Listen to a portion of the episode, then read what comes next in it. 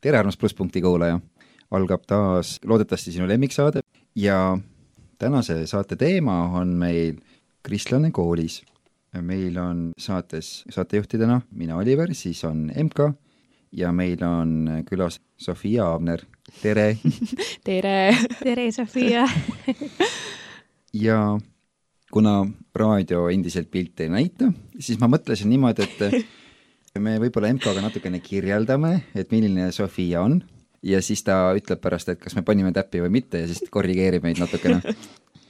mina ütleksin nii, et Sofia on hästi-hästi hea südamega, ta on hästi hoolikas, selles mõttes, et isegi kui ta väsinud on, siis ta teeb need asjad ära, mida on vaja teha. kust ma Sofiat tean, on ühed laagrid ma mäletan, ma olin ühes laagris tal juht, kes õpetab välja uusi tiimikaid ja kui oli vaja selliseid meeskonna ülesandeid teha, siis tulid välja head Sofi juhianded, et kui teised noored niisama üksteist togisid ja ringi jooksid või siis ei osanud midagi peale hakata selle ülesandega, murdsid seal pead, siis Sofi ütles, aga äkki prooviks seda, äkki teeks nii või naamoodi ta ei olnud niisugune bossijuht, et oh, oh, oh, mida teie teate, mina ütlen, kuidas tegema peab, vaid ta oli just selline pehme ja kõik kuulasid teda. siis ma mäletan, kui see laager lõppes, siis kõik olid nii väsinud, meie olime ka, siis me olime ainsad kahekesi, kes tiimituba koristas. ja see minu meelest räägib nii palju ka Sofi südame kohta, et kuigi ta oli väsinud, samamoodi nagu teised, ta ei läinud nendega kaasa, kes seal muru peal pikutasid. mis veel, Sofil on sellised juuksed, mille järgi saab ära öelda, mis tuju ta parasjagu on ja kas ta on väsinud või mitte. Ma mäletan, kui ma Sofit esimest korda nägin, siis ta paistis kaugelt silma, tal olid hästi krussis juuksed ja kõik käisid talle komplimente tegemas, et oo, Sofi, sul on nii ägedad juuksed. ja siis mul oli niisugune teooria, et kui Sofi on rõõmus ja õnnelik, et ta on puhanud, siis tal on krussis juuksed. aga kui ta ise natukene sorgus, niimoodi natukene ärtsinud ja väsinud, siis on ta juuksed ka sorgus aga MK, mis sina Sofi kohta tead ja arvad? Jaa, no tänaste juuste põhjal, mis me siis ütleme, Oliver, kas tal on hea ei tasu hakata nüüd. karm koolipäev selja taga. Inimesed ei tunne veel ära, kui niimoodi hakkavad. Aga mina ütleks Sofi kohta, et sa oled hästi rõõmsameelne ja sa oled selline inimene, kes tõmbab inimesi enda ligi, et vaata, kõik inimesed ei ole sellised meeldivad ja nagu, et tahaks nendega koos olla, aga sinuga ma tahaks küll koos olla. Ja, ja hästi sõbralik ja soe ja ainult häid sõnu oskan öelda sinu kohta. Nonii kas sellest, mis me siin rääkisime pikalt, oli mõnda asja ka, mis on tõsi? võib-olla te ei ole nii palju neid sorgusjuuste päeva näinud, et, et ei oska öelda. ei, aga jaa, tõesti, võib-olla mu juuksed defineerivad natukene minu olemist või tundeid, aga ja ma ei tea, mulle meeldib tööd teha, see on tõsi võib-olla aga jah, panite üpris täppi, et mulle on öeldud ka varem, et mul on juhi omadused, aga ma ei ole ise seda enda juures nii väga märganud, sest mulle meeldib teha kas täiesti üksi tööd või siis sellist tugevat tiimitööd. Mm.. lisaks olid sa väga hea noor mentor mulle, kuulasid kõike mu kristlikud mured ära ja andsid väga head nõu mulle, nagu see oli laagriprogrammi osa, siis me mõtlesime, et koolitame sinust mentorit, et siis sa mentordasid mind. ja, ja vot see on see suure pere pluss, et aga räägi siis, et kes sa oled, kust sa tuled, kui vana sa oled, kus koguduses käid, mis sa seal koguduses teed mis on su hobid ja kas sa tuled kristlikust perest ja nii edasi mm. -hmm. just äh, harjutame koolis inglise keele eksamiks ja ma tunnen, nagu ma oleks selles kohas tagasi aga ma algselt tulen Pelgu linnast, sündisin seal, elasin seal päris pikalt, praegu elan Viimsis juba mõnda aega. ma käin praegu vanalinna hariduskolleegiumis, ma tulen kristlikust perest, ma käin Toompea koguduses, olen noh, tähtsa nimetusega lavamänedžer, aga jah, lihtsalt aitan nii palju kui võimalik. Ja vabal ajal ma käin tegelikult tööl Velmani kohvikus, jõuan vahepeal sinna ka ja teen trenni. Aeg-ajalt päris palju. Mul kohe tekib küsimus, et kuna sa puhkad, kas sa puhkad ka? annan endast parima. Mul on olnud probleeme sellega, ma arvan, et me kõik tegime sellel aastal erinevaid goal'e endale, et mida võib-olla saavutada ja minu üks nendest põhilisteks oli, et puhkan võimalikult palju ja ma tegelikult olen hakkama saanud sellega isegi, et võib-olla see nõuab vahel liiga palju töötunde järjest, aga vähemalt ma saan ka neid puhkehetki. kui vana sa olid praegu, hetkel? hetkel olen seitseteist ja mis see lavamänedžeri töö tähendab seal? ma võib-olla natuke vastutan sellise ajakava eest, jälgin, et ma ei tea, laval kõik mikrid töötaks, vaatan enne üle, et kõik oleks korras, et pastoril oleks kõik vajalik info olemas, et kui on mingid eriüritused, siis ma kas viin lilli lavale või tegelen sellise lavalise poolega võib-olla. räägi, et mis koolides sa üldse oma elu jooksul käinud oled? Ma alustasin siis Pelgulinna gümnaasiumis, käisin seal esimesed kolm aastat. ma ütleks, et seal olid minu esimesed sellised kristlase elu katsumused nii-öelda, et ma võib-olla olen alati elanud sellise printsiibi järgi, et ennemini elan seda elu, kui siis kuulutan võib-olla kuna ma olin harjunud selle keskkonnaga, et aa, käin lastekirikus, seal on kõik kristlased, mul on kõik sugulased kristlased, hästi lihtne, ja järsku ma olen keskkonnas, kus ei ole ühtegi kristlast, see oli hästi selline, et aa, vau. ja Pelgulinna gümnaasiumis oli väga-väga palju kiusamist ja see kohe andis mulle võib-olla hästi tugeva tagasilöögi, et tekitas minus sellise suure hirmu, et aa, et kas ma ei saagi olla lihtsalt mina ise. aga juba seal oli mul mingi paar sõbrannat, kellele ma julgesin rääkida, et ma olen kristlane ja siis ma mingi kutsusin ühe sõbranna kirikusse talle täiega meeldis, ma olin nagu aa okei okay,, et tegelikult see on tore, aga see ikkagi tekitas minus mingisuguse hirmu, et aa, äkki ma ei saagi sellest kõigile rääkida, et see oli väga selline halvas mõttes põnev kogemus. Õnneks mul oli üks klassiõde, kes oli ka tugevalt kristlane, kellega huvitaval kombel ma olen nüüd gümnaasiumisse kokku sattunud mm., nii et see on tore. aga jah, siis me kolisime Viimsisse ja ma hakkasin käima Haapnemäe koolis, mis on selles mõttes armas väike kool, aga seal ei olnud kristlasi üldse. nii et see teekond ongi nagu pigem selline üksik võib-olla olnud mulle, aga samas need laagrid, kus me siis Oliveriga ja MK-ga ka olen käinud, on PLL, kus ma olen siis enne kooliaega juba käinud. sealt on tekkinud hästi tugevad sõprussidemed, mis nagu ikkagi aitasid hoida seda, et ma püsiks Jumala juures ja mul oleks inimesi, kellega reaalselt rääkida Jumala asjadest, et ja, et Haapnemäe koolis oli ka niimoodi, et ma ühe sõbrannaga rääkisin Jumala asjadest, aga tema ise polnud väga huvitatud ja kõik teised olid ka pigem niisugused, et suva ja siis mul tuli niisugune teismeiga peale ka, nii et mul endal oli võib-olla natuke keerulisem püsida sellel õigel rajal, et mul oli hästi palju inimesi ümber, kes lihtsalt noh, ei olnudki kristlased ja et nagu seal tuligi igast asjad juba sisse, et siis oligi väga raske omal teekonnal püsida ja siis lõpuks gümnaasiumisse ma läksingi VHK-sse, mis on noh, katoliiklik kool, et mitte küll selline rangelt kristlik nii-öelda, aga seal ikkagi ma tunnen, et see on nii-öelda normaalne, et et sa oledki kristlane, et ma kogengi esimest korda sellist asja, et inimesed võtavad seda iseenesestmõistetavana ja see ei tekita liiga palju küsimusi, et aa, sa oled kristlane, mida see tähendab, kas sa mingi viis korda päevas palvetad, et see nagu mugavustsooni tagasitulek nii-öelda esimeses koolis sa olid üsna pisike, esimeses, teises klassis käisid ainult seal, eks mm, -hmm. Pelgu linnas. et tegelikult on nii tore, kuidas lastel ongi just kõige rohkem seda julgust niimoodi minna välja ja kuulutada ja haarata teisi kaasa ja siis mm, -hmm. kui sa juba teismeline oled, siis nagu yeah. ei julge eriti ja kui sa oled täiskasvanu siis on eriti hullu julgust nõuab minu meelest kas sa seal Pelgu linnas kogesid tagakiusu, sa ütlesid, et seal oli vaata päris palju tagakiusu ja mul endal oli küll tegelikult üks klassivend, kes kiusas mind päris pikalt. see ei olnud nagu niisugune karm kiusamine, et ta oli niisugune nõme ja kogu aeg ikkagi mingite teemade kallal kuidagi oli niisugune noh, aga ja muidu ma ütleks, et see võib-olla lihtsalt oligi see keskkond, mis oli hästi selline, et kõik olid sõjakad üksteise vastu, et see oligi noh, elav näide sõjaväljast, kus me oleme kristlastena, et seal oli reaalne vägivald ka, mul mingid klassivennad ükskord läksid kaklema vahel, tõmbasid mingi juukseid üksteisel peast, et see oli lihtsalt hästi-hästi niisugune rõhuv keskkond, et see oli võib-olla ka niisugune vaimne rünnak, kuivõrd siis seda, et ma päriselt kogesin midagi. kui palju nendes erinevates koolides inimesed teadnud on, et sa kristlane oled? Kindlasti. jaa, viimases kindlasti. no Pelgulinna gümnaasiumis ma arvan, ma lihtsalt ei suhelnud üldse nii paljude mm -hmm. inimestega, et seal lihtsalt oligi see, et need inimesed, kellega ma suhtlesin, neid oli mingi maksimaalselt viis, ma arvan Nemad teadsid seda, et ma olen kristlane. Haapnemäe koolis ma kasvasin, sain suuremaks, ma mõistsin, et aa, seal pole mitte mingisugust vahet, mind ei huvita, mida need inimesed minust mõtlevad. et siis lõpuks ikkagi kõik teadsid, ma muutusin mingil hetkel väga-väga avatuks Kristuse suhtes, kuna mul, ma arvan, seitsmes-kaheksas klass oli niisugune tagasilöök, mitte et ma oleks tundnud häbi, aga ikkagi sellise tunne, et kas ma julgen olla see, kes ma olen ja ma ei öelnud avalikult seda, et ma olen kristlane. Muidugi siis me läksime ka karantiini aga et pärast seda aega ma kuidagi muutusin väga palju kindlamaks selles, kes ma olen, siis ma ei tundnud, et sellel oleks mingisugust vahet, kas ma ütlen kellelegi, et jah. no ma isegi ei tahaks panna Viimsit mingisuguse stereotüübi alla, aga olles seal elanud nii kaua, kui ma nüüd olen, siis ma ütleks, et seal on tegelikult tõsiseid probleeme ikkagi sellega, et lapsed on hästi kindlat tüüpi, seal lihtsalt on, ma arvan, väga palju mittekristlastest perekondi, et kiriklikke traditsioone seal üldse ei ole, et jah, vist jõuludel läksime kirikusse, aga muidu ka nagu meil vist esimesel advendil käis pastor rääkimas, aga ta rääkis ala mingi muinasjutu ette ja siis tegi palve, et mingisugust kristlikku asja ei olnud.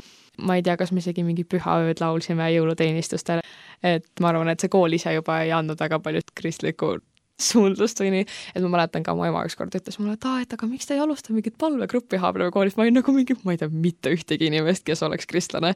et kuidas ma üldse alustan sellist asja, kui ma tunnen, et ma olen täiesti üksinda selles. et ma ei ole isegi mõelnud selle peale nii palju, aga see oli kindlasti suur põhjus, miks ma võib-olla jumalast mingil hetkel nii mõnevõrra kaugemale võib-olla läksin, aga jälle VHK-s meil on, ma ei tea, mitu korda aastas teenistused ja see on ülilahe ja mulle nii meeldib, et isegi kui see on selles vanas stiilis, noh, et meil ongi mingid ladinakeelsed laulud, aga see minu arust on nii põnev viis, kuidas ülistada Jumalat. Ja sellepärast ma ei tunne ka kuidagi ennast kõrvale jäetuna nii et äh, tööpõld on suur, inimeses on väga palju inimesi, kes äh, vajavad kuulda Jumala sõna mm. -hmm. mina ise käisin Valga põhikoolis ja me käisime alati jõulude ajal kirikus ja mina ei ole üldse pärit kristlikust perekonnast, aga ma mäletan alati, kui me käisime jõulude ajal kooliga kirikus siis see tundus väga püha ja ma mäletan, mhm. et see puudutas mind ja siis muidugi aastaid hiljem, üheksanda lõppedes ma sain päästetud. et ma usun, et nagu mingid seemned said külvatud ka siis, kui ma käisin seal külmas kirikus jõulude ajal kooliga, aga kahju, väga kahju kuulda, et, et praegu seal ei käida või et pastor elab muinasjuttu tegelikult me ei saa alahinnata, kui me jumala sõna kuulutame koolinoortele, et kuidas siis jumal saab seda kasutada. et minu puhul see ju toimis, et mõningad aastad hiljem ma tulin päästele.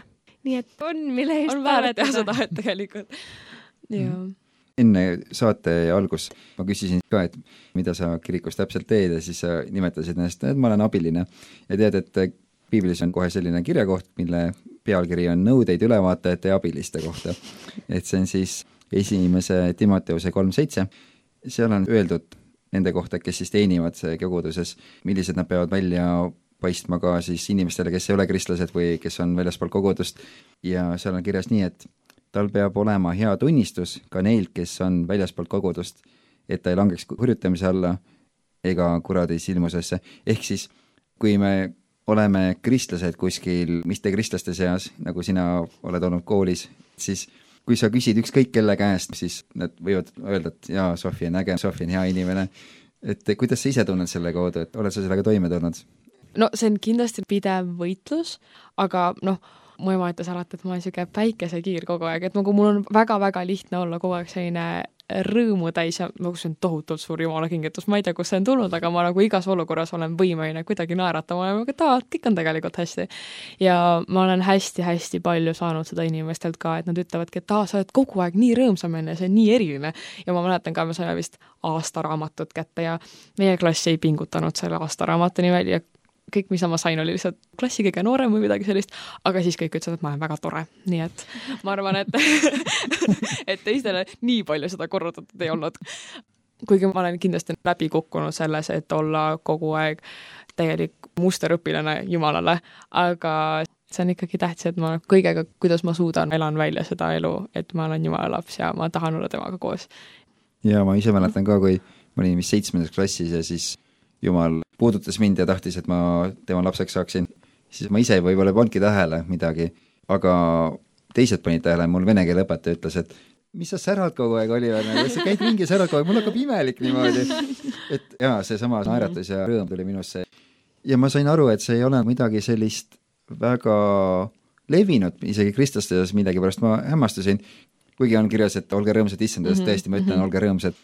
sest ma rääkisin ühe sõbra emaga hiljuti ja siis ta ütles, et kas see on jumalast või sa oledki lihtsalt selline rõõmus, et tema küll ei suuda kogu aeg. ja siis ma ütlesin, jaa, ma olen kindel, et see on jumalast. ma mäletan, mu ema kuulas alati niisugust laulu nagu Rõõm täidab mind, kui laulan kiitust loojale. jaa. jaa okei okay,, teeme oma esimese muusikapausi. Sofi, mis on meie esimene laul? ma arvan, et me võiksime võtta Gratitude Brandon Lake'i poolt sest ma olen kogu aeg nii tänulik või ükskord et see on tõesti üks tähtis, tähtis asi, mida kogu aeg olla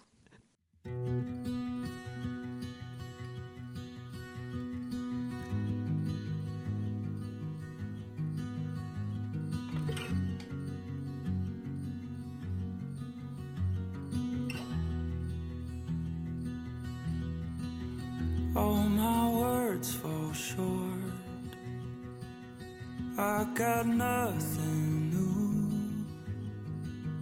How could I express all my gratitude? I could sing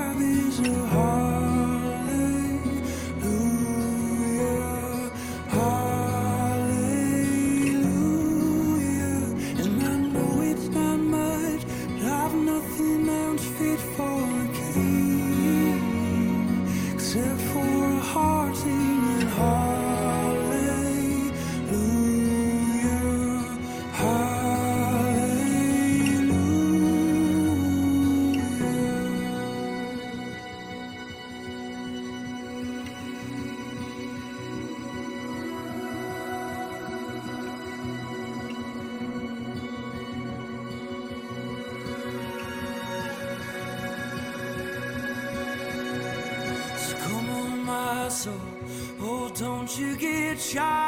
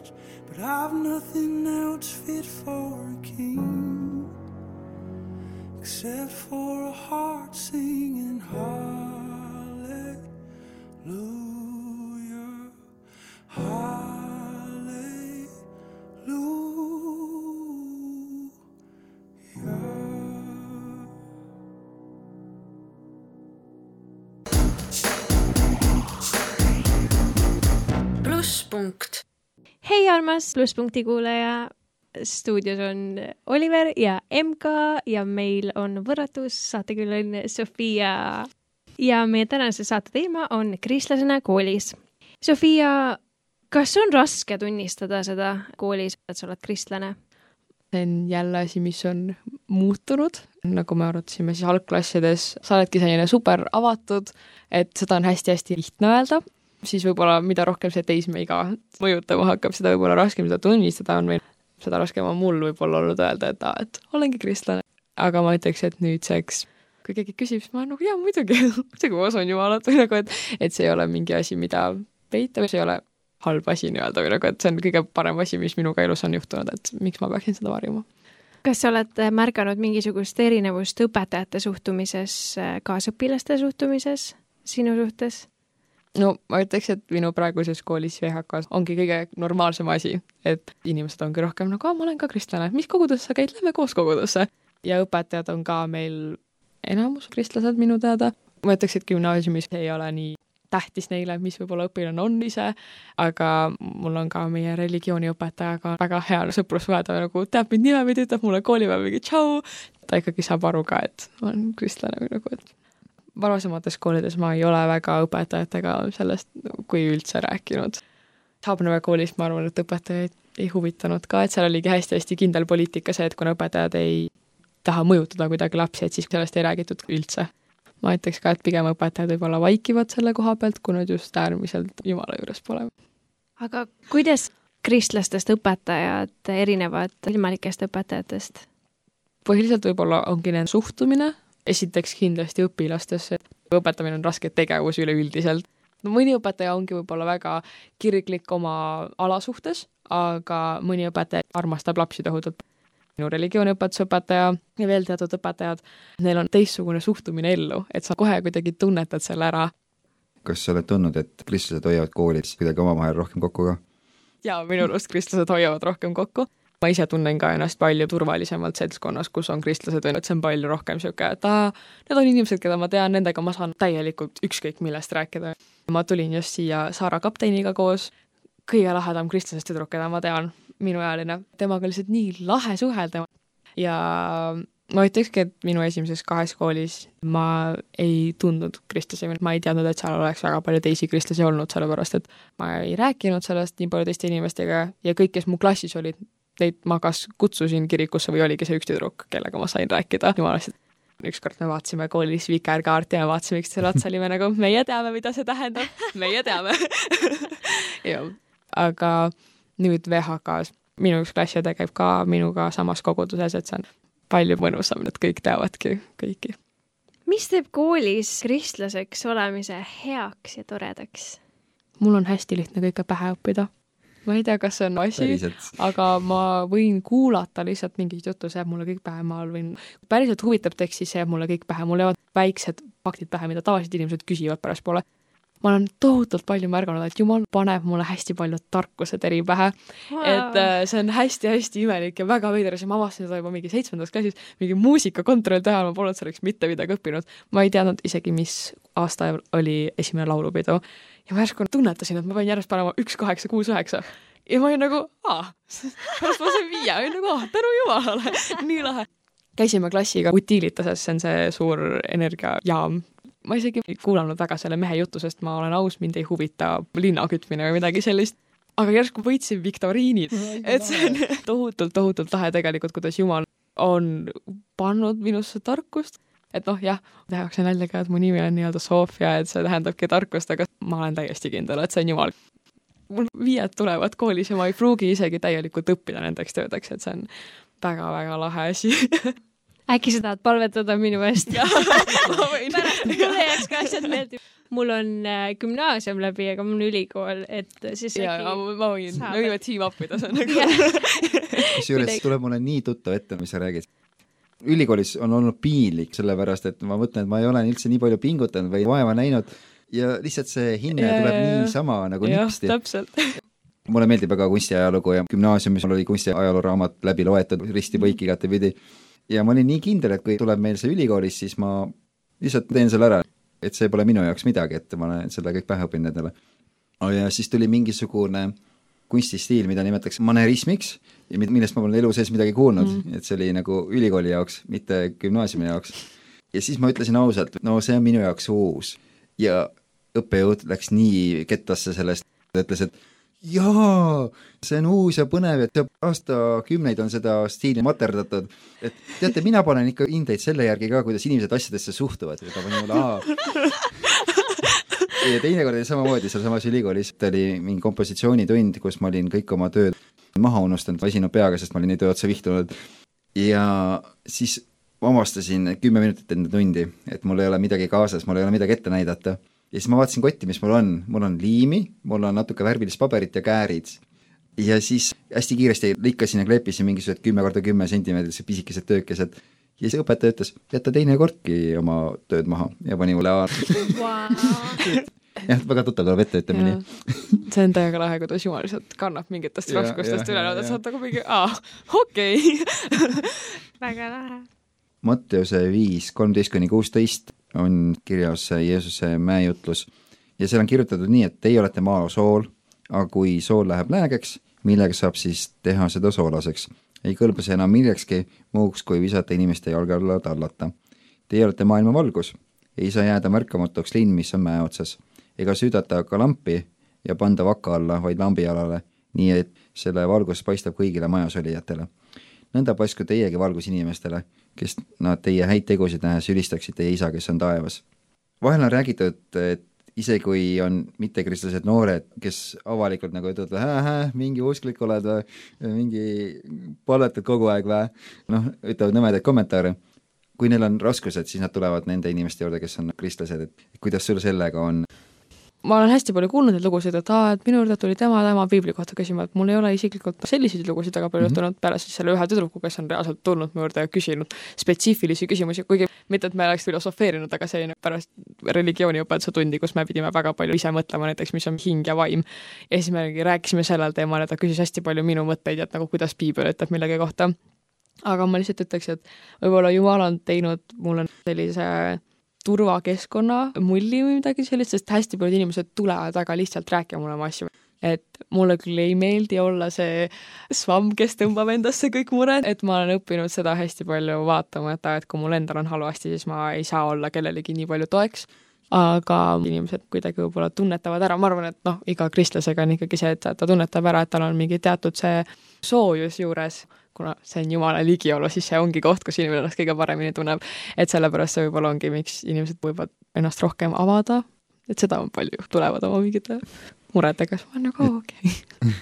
kas sa tunned ka seda, et selle järgi, et kuidas sa elad ja kuidas sa oled ja oled nii rõõmus, et sa oledki see nende valgus ja selle järgi nad saavad natukene aimu, et hmm, sellised on kristlased ja et läbi sinu peegeldub natukene Jumala olemust? no tahan tohutult, tohutult, see on nagu üks minu nendest main goal idest nii-öelda kogu aeg, et ma tahangi nagu hästi palju oma rõõmuga, võib-olla olen saanud ka Jumalalt nagu teatud niisuguse sõnumi, et kui ma olen oma emaga näiteks arutanud seda, et miks ma nii rõõmus olen, siis ma olengi aru saanud, et aa, võib-olla see ongi see, et jumala rahvas peabki olema rõõmutsev, hõiskav niisugune siis ma mõtlengi, et aa, et mida rohkem ma seda endas hoian, siis võib-olla inimesed näevadki, et aa, jumalaga ongi nii hea koos käia, et sa ei saagi muud teha, kui ainult naeratada igas olukorras. kui palju see tugevust nõuab, sest tegelikult me kõik situatsioonid elus ju ei ole sellised, mille peale sa alati naeratada tahaks. Mm. -hmm ma arvan, et nagu ma olen kogenud elu jooksul seda hästi-hästi palju, ma räägin nagu ma oleks vana inimene selle seitsmeteist kauni aasta jooksul. Ma olen hästi-hästi palju õppinud tundma seda, et mida lähemal ma olen Jumalale, seda lihtsam mul on kõikidest nendest asjadest üle libiseda nii-öelda, et kui mul ongi hästi-hästi lihtne rõõmus lihtsalt püsida ja see minu jaoks ei ole mingisugune probleem, see ei ole see, et ma vaatan probleemidest mööda, vaid just see, et mul on see võime olla rõõmutsev igas olukorras, et see lihtsalt olenebki sellest, et kas ma mingi piisavalt ülistatud laulu olen kuulanud ja palvetanud, et et kui ma, ma ei tea, õhtul kenasti ma palve tegin ära ja hommikul loen piiblit ka, siis ma olen laet selle energiaga, mida mul vaja on. kas sa vahel tunned ka, et võib-olla sellest ei ole piisav, et oma eluga tunnistada, vaid sa peaksid rohkem rääkima Jumalast oma koolikaaslastele. ma tunnengi võib-olla, et mul jääb selja taha see, et ma tegelikult ka räägiksin, aga mul on hästi-hästi palju olnud ka seda tunnet, et ma tohutult tahaks jagada inimestele, et kui ma tunnen, et see on mingi koht, kus ma saaksin kedagi julgustada mingi erilise jumalasõnaga, siis ma olen nagu mingi aa, aga ma arvan, et ma saaksin selles osas kasvada veel, et äh, kuidas kuulutada ja ma lihtsalt võib-olla olengi tundnud, et ma tahan esiteks olla ise inimesena võimalikult palju Jumala teerajajaks ja siis ma olen valmis sõnaliselt võib-olla ka rohkem kui inimesed su juurde tulevad murega jälle niimoodi, et sa saad see käsna olla, eks. et siis, et siis mis nõu sa neile annad või kuidas sa nendega räägid, kas sa lihtsalt kuulad ära või? võib-olla nad lihtsalt tahavadki sellist üleüldist kergendust ja rõõmu, kuigi ma tean, ma pean endas kasvatama väga palju veel kuulamist, et ma oleksin hea kuulaja. aga ma arvan, et see ongi see, et ma oskan inimesi kuulata ja annan neile mõista, et nad on ära kuulatud ja nad on hoitud. ma arvan, et see on iga inimese vajadus ja ma arvan, et see on ka see, mida inimesed tunnevad, kui nad on kristlastega mingisuguses suhtluses. imeline. ma tahaks küll olla sinu koolikaaslane ja on oluline sõnadega kuulutada Jumalast, aga samas, kui sa juba oma eluga oled valguseks ja oledki selline rõõmus, siis see tekitab nii palju parema maigu, ma arvan, Jumalast, et tegelikult me ei saa alahinnata seda või mõelda, et okei okay,, et ma ei vaata, kuidas ma elan, vaid et peaasi on see, et ma kuulutan Jumala sõna, aga kui sinu elu ei kanna head vilja, siis tegelikult ju koolikaaslased ei taha mm -hmm. selle Jumalaga pistmist teha mm, -hmm. kui nad näevad, et su elu viljad mädanevad et selles suhtes väga tubli väga hästi kui palju sa muretsed või palvetad oma mittekristlaste sõprade ja koolikaaslaste pärast? ma olen seda kindlasti rohkem teinud, tegelikult eile ma palvetasin oma suguvõsa läbi ja siis ma olin nagu, ma ei ole üldse palvetanud oma koolikaaslaste pärast, sest mul ongi see, et kui sõbranna on jälle mulle rääkinud mingist oma murest ja siis ma kohe olen nagu mingi, jumal, oota, palun aita nüüd sellega ruttu. et selles mõttes ma püüan ka olla kogu aeg palves, aga vahepeal mul oli see nii automaatne, et kohe, kui keegi midagi rääkis, ma automaatselt andsin seda Jumalale edasi, nagu Jumal, jõu, tegele sellega palun. Või nagu, et see oli nii mõnus, ma tundsin, et ta oli mul nii-öelda nagu toru otsas kogu aeg, et lihtsalt ma ei tea, ka tõusulainetel nii-öelda. mul oli kogu aeg niisugune tunne, et ma sain olla nagu niisugune vahendaja, et äh, räägin Jumalale kogu aeg edasi, et mul on olnud võib-olla natuke sellisem keerulisem periood endal, et nüüd ma tunnengi ennast väga uhkena, sest ma olen saanud jälle jalule, et ma tunnen kooli osas ennast jälle motiveerituna, üheteistkümnes klass on tegelikult päris keeruline, hästi-hästi palju raskeid asju on korraga ja et nagu hinded ei ole ka võib-olla enam päris nii head, kui nad olid põhikoolis. et siis on hästi raske olla kindel selles, kes sa oled ja kus sa oled ja mida sa teed. aga ma just praegu tunnengi seda, et ma jälle leidsin oma kindla sihi üles ja see on hästi hea tunne, et olla jälle nagu kindlalt paadis oma klassikaaslaste või mittekristlaste sõprade eest palvetamine. ma ise tunnen, et see käib tõusude ja mõõnadena ma töötan klienditeenindajana ja mingi aeg, kus ma tundsin Jumalale hästi lähedal olevat, siis ma palvetasin klientide eest ka ja see oli täpselt nagu sina ütlesid, nagu toru otsas, vaata. et sa lihtsalt nagu vestled temaga mm -hmm. ja siis sa samal ajal mõttes palvetad, et Jumal, palun puuduta teda mm. -hmm ja siis samas, kui ma tunnen, et ma olen nagu vaimulikult või kuidagi hästi väsinud mm, -hmm. siis ma tunnen, et ma ei jaksa üldse palvetada mm -hmm, nende inimeste eest. aga kui ma olen täidetud, siis see nagu voolab minust välja, et ma ei saa ennast tagasi hoida. see erinevatel hooaegadel võib yeah. erinev olla, on ju, et ei, nagu pea süüd tundma, et äh, praegu ei jaksa palvetada. see on väga, et ma just äh, olen võib-olla tundnud võib-olla süütunnet, sellepärast et ma tunnen, et see ei ole nagu nii-öelda tavaline asi. aga mida ma rohkem ma inimestega räägin, kes on kristlased, ma tunnen, et aha, tegelikult see on tavaline, lihtsalt võib-olla, et meil jääb niisugune tunne, et kõik peavad kogu aeg olema hästi, hästi ülevoolavad ja kogu aeg abiks või midagi sellist, aga see on tegelikult ka normaalne, et sul on endal raskemaid hetki, kus sa peadki võib-olla keskenduma rohkem enda ja Jumala suhtele kui sellele, et et mis siis teiste inimestega nii palju toimub milline on kristlasena koolis ja klassis sinu roll, et kui sa oled kristlane, siis sa oled teiste jaoks kes? ma ei näe endal mingit teist rolli kui seda, et näidata inimestele, kui hea on Jumal. et kindlasti ma ei ole ka mingi perfektne näide sellest, et ma ei ole alati ka suurepärane inimene. Mul on ka päevi, kus ma ei naerata kogu aeg, et täna ma ei suutnud ka näiteks püsida kogu aeg niisuguse äärmiselt ülevoolavana, sest ma olen noh, vahepeal lihtsalt ka ei jaksa. Juuksed läksid juba natuke liiga sirgeks lihtsalt. Ma arvan, ma hakkan seda väljendit kasutama nüüd. Aga võimalikult teistele toeks olla, et kuna ma tunnen, et Jumal on meile nii palju andnud, ei ole mõtet seda lihtsalt endale hoida, et see on alati see, et mida rohkem sa annad, seda rohkem sa tegelikult juurde saad ja ma olen seda nii palju tundnud ka selle armastusega, mida Jumal on meisse pannud, et mida rohkem ma seda rõõmu välja jagan, seda õnnelikumad ka teised saavad olla üks mees kunagi ütles mulle, et äh, sinus on rohkem valgust, kui sa arvatagi oskad. nii et äh, lähme selle mõttega muusikapausile. ja mis on äh, sinu teine laul? su rahvas PP kakskümmend kaks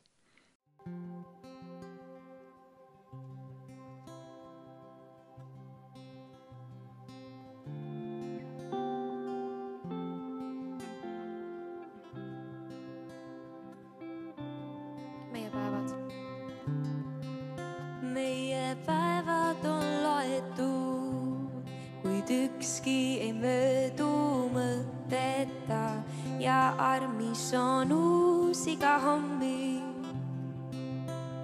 ei jäta meid katteta, on iga su tõotus täis lootust. mis häbisse ei jäta meid, on sinu käest kõik me sammud käia võiks sinu teel.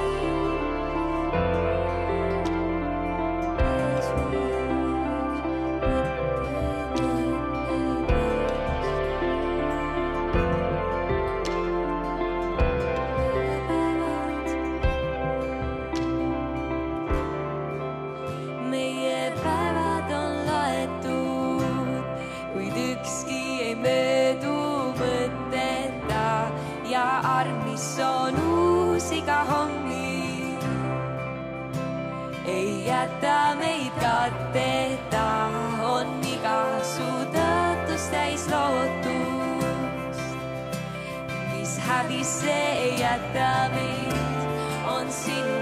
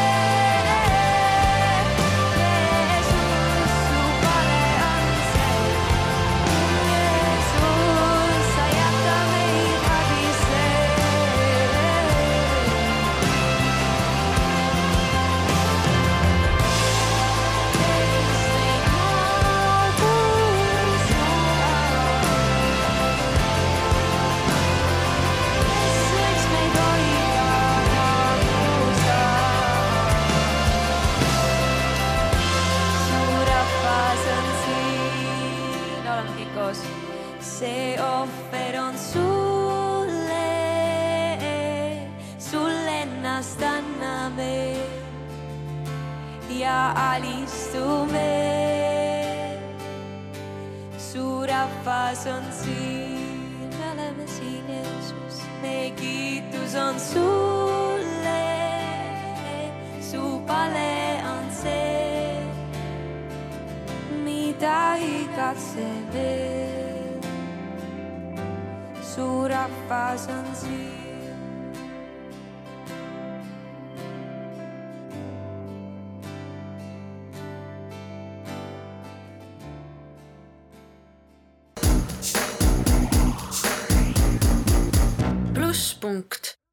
Hei, armas kuulaja, jätkame saatega. meil on stuudios täna MK, siis mina, Oliver, ja meil on saates külaline, kelle nimi on Sofia. ja meie saate teema on seekord kristlasena koolis.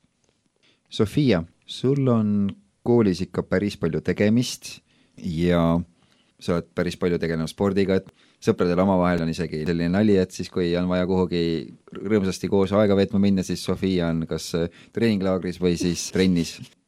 ja sa mängisid kaheksa aastat flööti jaa. ja kui me oleme kristlased, siis meil on ka nii palju kohustusi kirikus, et kuidas sa need kõik omavahel kokku paned ja ühildad?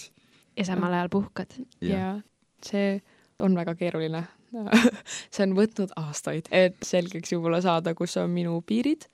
Ma siiani natuke tajun seda, et ma tegelikult võib-olla peaksin nädalavahetuseti puhkama näiteks, aga ma kasutan trenni kui puhkust, et ma tean, et see võib-olla ei ole kõige parem puhkamisviis, aga kuna see annab mõnusat dopamiini pärastpoole, siis see tekitab must tunde, nagu ma oleks puhanud. ma olen hakanud asju varem ära tegema, ma ei ole kunagi teinud varem ära näiteks kooli asju, aga näiteks eile ma võtsin kätte ja tegin äh, homseks mingisugused keemialabori töölehed ära, et ma võtangi endal rohkem sarvist nii-öelda või nagu, et oma elul ka. No kõik räägivad aja planeerimisest, ma ei ole selles kunagi väga hea olnud, mul on kalender, ma oskan selle järgi aega planeerida aga ma võtangi hetke, kus ma meelega lähengi trenni, meelega pärast seda istun kodus rahulikult, söön viinamarju näiteks või midagi sellist.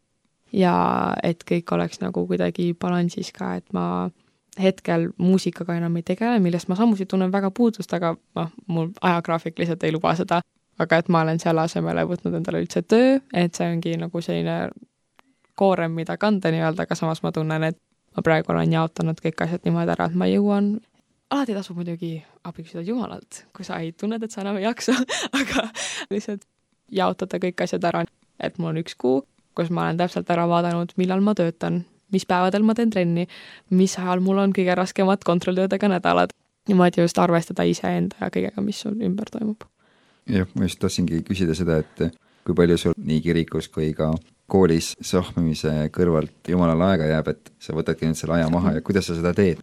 see on ka keeruline mul on õnneks hästi pikad bussisõidud kooli ja vahel ma istun telefonis, aga ma tean, et see on halb, nii et ma teen seda vähem, ma luban aga ühel hetkel tõmbasin endale Bible Study äpi, neil on tohutult lahedad kirjakohad, ma ei tea, kust nad neid kogu aeg välja võluvad, piibel on lahe, aga need kogu aeg lähevad ülimalt südamesse ka, ma nii kord nagu kas nad loevad mu mõtteid või kuidas see asi nüüd toimub, et mul ongi see selle widget'ina telefonil, et ma kohe näen seda esimese asjana, kui ma oma telefoni lahti teen, et ma saan seda vaadata, ma saan lugeda ette ja taha nagu ära, mis seal kirjas on, see on ingliskeelne tõlge, seal on vist veel kaks tõlget olemas.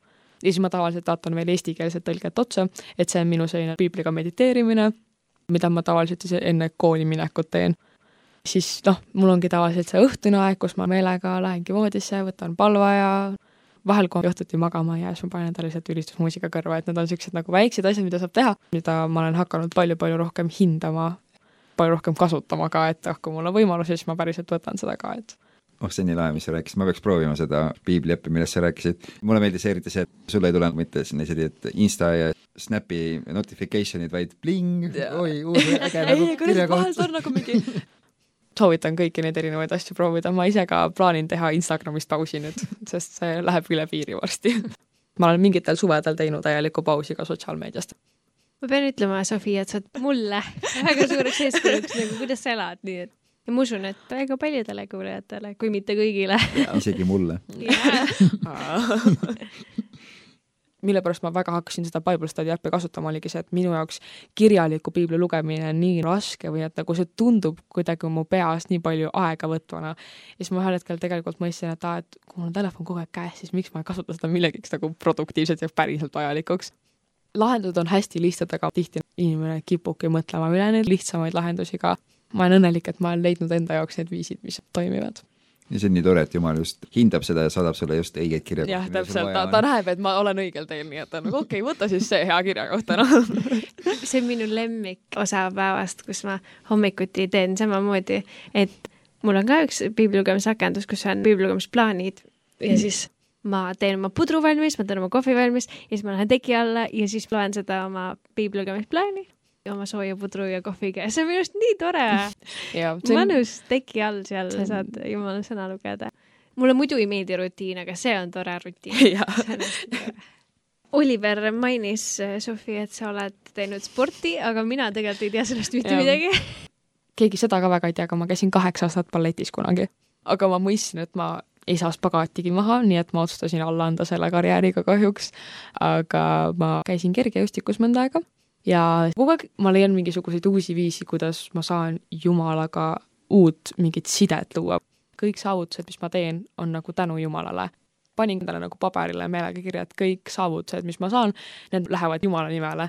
ja siis iga kord enne võistlusi ma lihtsalt läksin vetsu, palvetasin keeltes mõnda aega ja siis tekib mingisugune teatud rahu endasse et ma ei ole olnud selles vormis, et olla päriselt kusagil Eesti tipus, aga ma tundsin, et see andis mulle ikkagi meelekindlust ma arvan, et see tuleks abiks, kui nad kasutaksid ka seda võimalust, kui lihtne meil on tegelikult Jumala poole pöörduda, kas või kõndisin starti ja siis ma vaikselt pobisen. Ah, okei okay,, isa, sa oled siin, mingi, et see ongi hästi-hästi tähtis või siis, et noh, leiadki mingisuguse sobiva ülistuslaulu, mida saad kogu aeg korrutada endal peas. Ja siis noh, kuna ma olen keskmaa või pikamaa jooksja, siis noh, jooksud kestavad kaua, nii et peale selle, et sa jõuad mõelda, kuidas sa hingad, kuidas su jalad liiguvad, mis tempoga sa jooksed, siis äh, peale selle mul sai ka mingi ülistuslaul peas kummitada ja see oli täiega nagu mingi jess, käi peas sihuke laul ja siis vaikselt jooksen seal. ja see ei tekitanud minus ka mingit halba tunnet, kui ma, ma ei tea, esimest-teist kohta ei saanud kas sul ei olnud kunagi sellist asja, et sport saab sinu ebajumalaks, et olulisemaks kui jumal? kuna ma olen alati tundnud, et sport on lihtsalt selline hea hobi, mida omada, praegu ma ei ole enam kergejõustikus, aga ma ikkagi käin mingi jooksmas ja jõusaalis. et ma ikkagi tunnen, et see on see koht, kus ma tegelikult saan keskenduda Jumalale. et kui ma käin jooksmas, siis ma panen ülistusmuusika kõrvaklapidesse, et ma pigem tunneks, et see on viis, kuidas ma saan ülistada Jumalat kui sa oma ükskõik mis tulemustega pöördud Jumala poole, ütled, et aa, et see on sinu käes algusest lõpuni ja sa ka pärast annad tänu Jumalale selle eest, mida sa saavutasid, et see aitab sul hoiduda võib-olla sellest, et sa muutud kuidagi enesekeskseks või et sulle muutub miski ebajumalaks. ja nii et tundub, et sul on väga tervislik suhe olnud spordiga. see on väga tore ja et mul on õnneks niimoodi läinud, et mul ei ole tekkinud mingisugust idoliseerimist sellega. aga kuidas Jumal on kasutanud sind läbi spordi siis teiste noorte jaoks või siis käisid pilli mängimas, on ju? flööti kirikus see ei ole minu jaoks väga pikka aega, ma ei tundnud suurt uhkust selle üle, et ma flööti mängin. see oli niisugune kõrvaltegevus, aga mu ema kogu aeg ütles, et aa, sa oled nii hea selles ikka ja et mu isa kogu aeg, no mu isa on muusik, et ka, et ikka jätka muusikakoolis ja mina olin ainus laps, keda nad päriselt sundisid muusikakooli lõpuni käima. sest näha oli, et ma vist olen natuke parem selles ma ütlekski, et ma ei näinud kunagi flööti kui võib-olla ülistust aga samas ma tegelikult nii igatsen seda, et ma oleks seda rohkem teinud. ma ütleks, et flöödiga mul tekkis see, et ma panin alati hirmu ette, et nagu flöödiga esinemine aitas mul hästi palju näiteks lavahirmuga tegeleda, aga samas ma esmalt mõtlesin sellele, et kuidas ma hakkama saan, kuidas mina, mina, mina või nagu Toompeal ühel aastal pidin mängima mingit lugu üksinda ja ma läksin krampi täiesti, ei, ma ei taha seda teha. Et ma tunnengi, et ma võib-olla ei keskendunud nii väga sellele, et kellele ma seda teen, vaid sellele, et mingi aa, mina ja mina, et mina ja mu hirm ja kui kurnav on äh, olla päevad läbi kristlane, kui enamik noored on mittekristlased? see jälle hästi oleneb päevast nii-öelda mitte, et ma oleks iga päev erinev inimene, aga just see, et sul on kindlasti olla palju-palju lihtsam selles heas kohas, kui sa ise oled enda sees heas kohas. mingid päevad ongi minu jaoks hästi-hästi keerulised, sest mul on olnud hästi palju usulisi võitlusi ka peale sellele, et ma niisama pean juba koolis hakkama saama et mingid päevad ongi sellised, kus sa kuuled, et mingid tüdrukud räägivad kedagi taga kusagil ja keegi seal mingi, ma ei tea, ropendab ja ongi hästi-hästi palju erinevaid asju koos. et see võib-olla tekitab sellist suuremat kurnatust, aga siis on jälle rohkem põhjuseid, mille pärast Jumala poole pöörduda. aga nüüd on suur au kuulata Sofi järgmist muusikapala ja. ja mis see on? see on natuke rahulikum pala, see on Sa tead vend Joonase poolt. Ma arvan, et see on hästi-hästi palju aidanud mind mingites keerulisemates eluperioodides. see räägibki sellest, et esiteks Jumal teab kogu aeg, mis minu elus toimub ja see on lihtsalt võrratu laul, see kuidagi annab sulle esiteks sellise rahu sisse, aga see annab ka hästi palju julgustavaid sõnu, et see räägib ka sellest, et Jumal on näinud kõike, aga ta ei ole mind kunagi jätnud.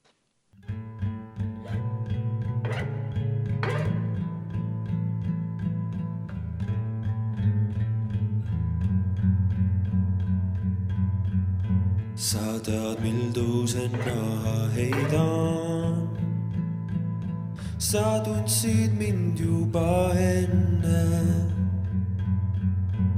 enne kui täitsin ema üsa.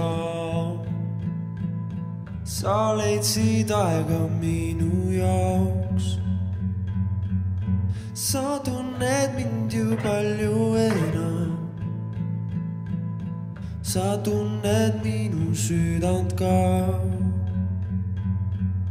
ja jälle avan sulle ennast.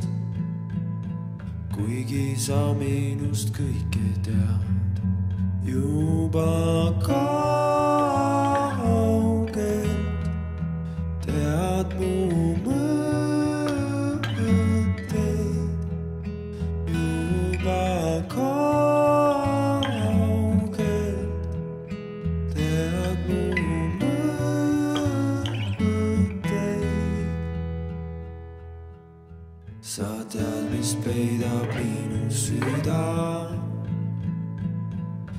mis pesitseb seal pimedas.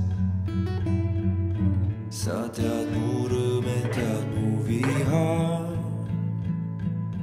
mis täidab minu ahelaid. sa tunned mind veel palju enam,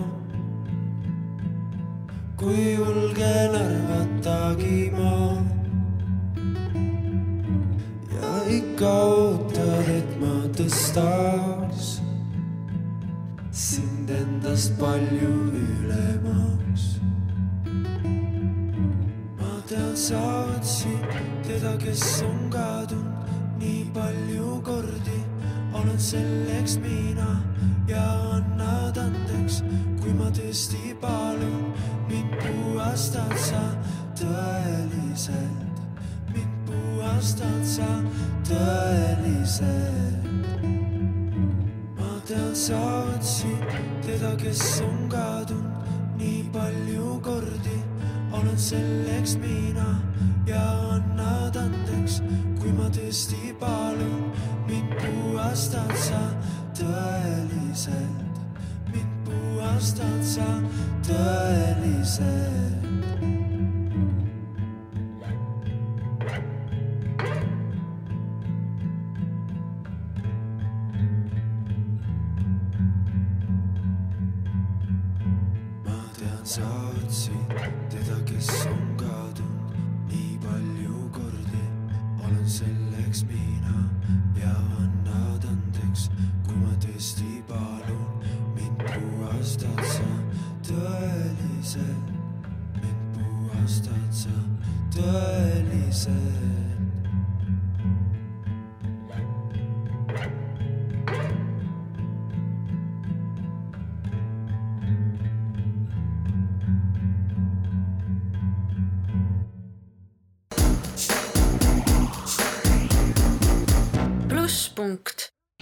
Armas kuulaja, oleme tagasi saates, mina olen meie üks host Maria-Kristiina ehk siis MK ja minuga koos on Oliver ja meie võrratu vahva armas saatekülaline Sofi. no lihtsalt ei saa sinu kohta öelda ühtegi halba sõna, vaid minu arust need eesliited peab ütlema sinu nimega. sa oled nii tore. meil on nii äge saade olnud lihtsalt.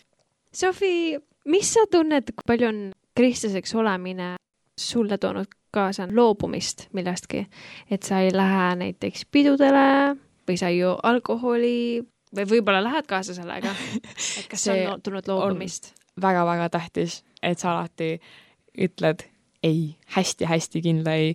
ma olen siiani teismeline, mul on olnud ka neid hetki, kus ma käin noortega pidudel, sest noh, see oli ka raske punkt, mida ma pean siiani endasse võtma, aga see on selline kindel enda mitte sellesse olukorda panemine, et ühel hetkel ma tegelikult sain sellest nii hästi aru, et aa, kui ma tegelikult sinna peole ei lähe, kus on mu need vanad sõbrad, kellega mul tulevad kaasa need vanad harjumused, siis tegelikult ma võib-olla ei satukski kogu aeg pattu.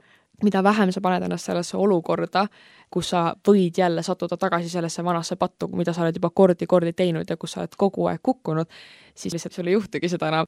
mitte, et inimeste elust väljalõikamine oleks väga piisakas, aga vahel see on vajalik kui ma läksin VHK-sse, siis ma mingid inimesed, kellega ma Viimsis olin suhelnud, ma ei suhtlegi nendega nüüdseks üldse, sest ma tunnengi, et seal olid mingisugused vanad kombed, vanad harjumused, millega ma ei tahtnud mõelda.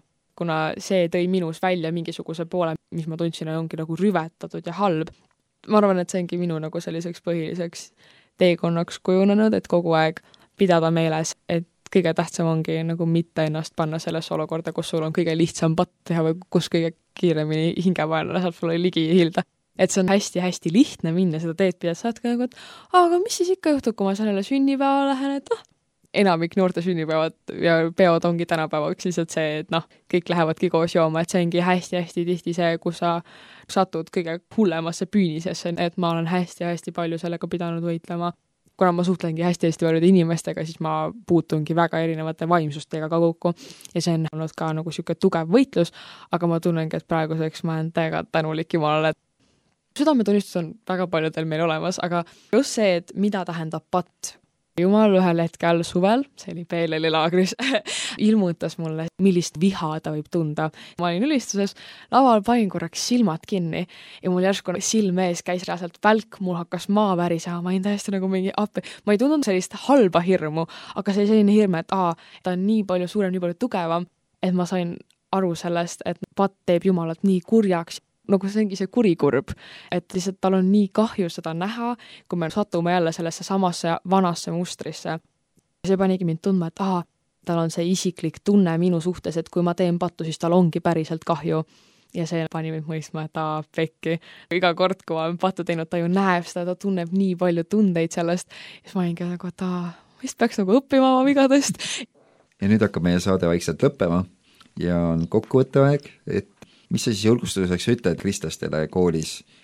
esiteks, kristlus ei ole häbiasi, see ei ole kunagi olnud häbiasi, see ei ole miski, mida sa peaksid kuidagi enda sees peidus hoidma, sellepärast et sa kardad. kui sa tunned, et sa ei ole veel valmis ütlema või kui sa tunned, et sul on tohutu hirm selle pärast, siis võib-olla see tähendabki, et, et sa peadki andma sellele rohkem aega, et sa võib-olla peadki iseendas rohkem kasvama natukene, et see nõuab sellist enesekindlust võib-olla ja seda kindlameelsust, et olla kristlane, aga seda kindlameelsust saab Jumalast ainult mm. -hmm. ja see ongi see, et igal võimalusel lihtsalt mine ta juurde nagu paljud Instagrami caption'id ütlevad God first.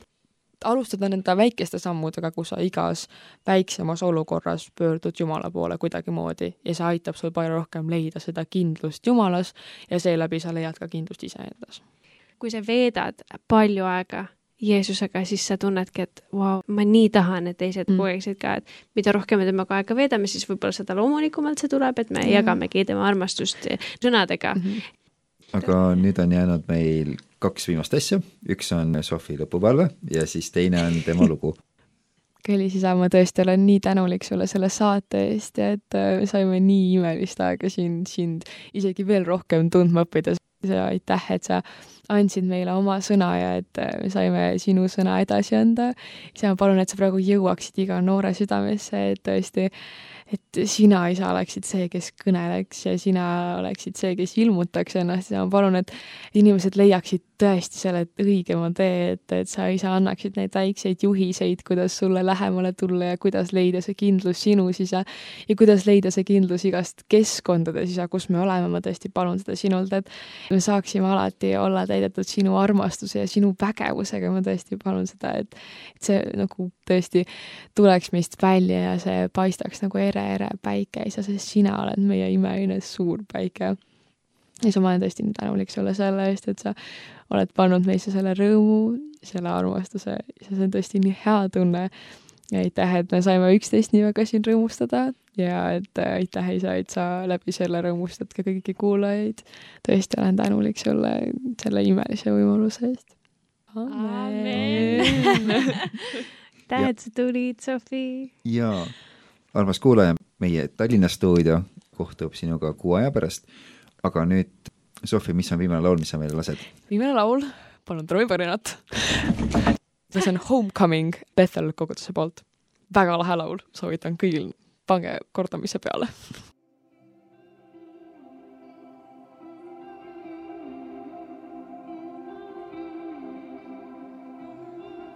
Lord, I confess that I've been a criminal. Stolen your breath and sang my own song. And Lord, I confess that I'm far from innocent.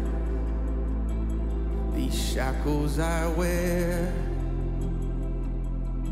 oh, I bought on my own.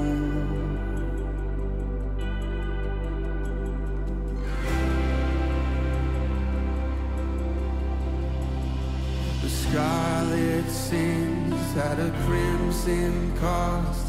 You nailed my debt to that old rugged cross. An empty slate at the empty grave.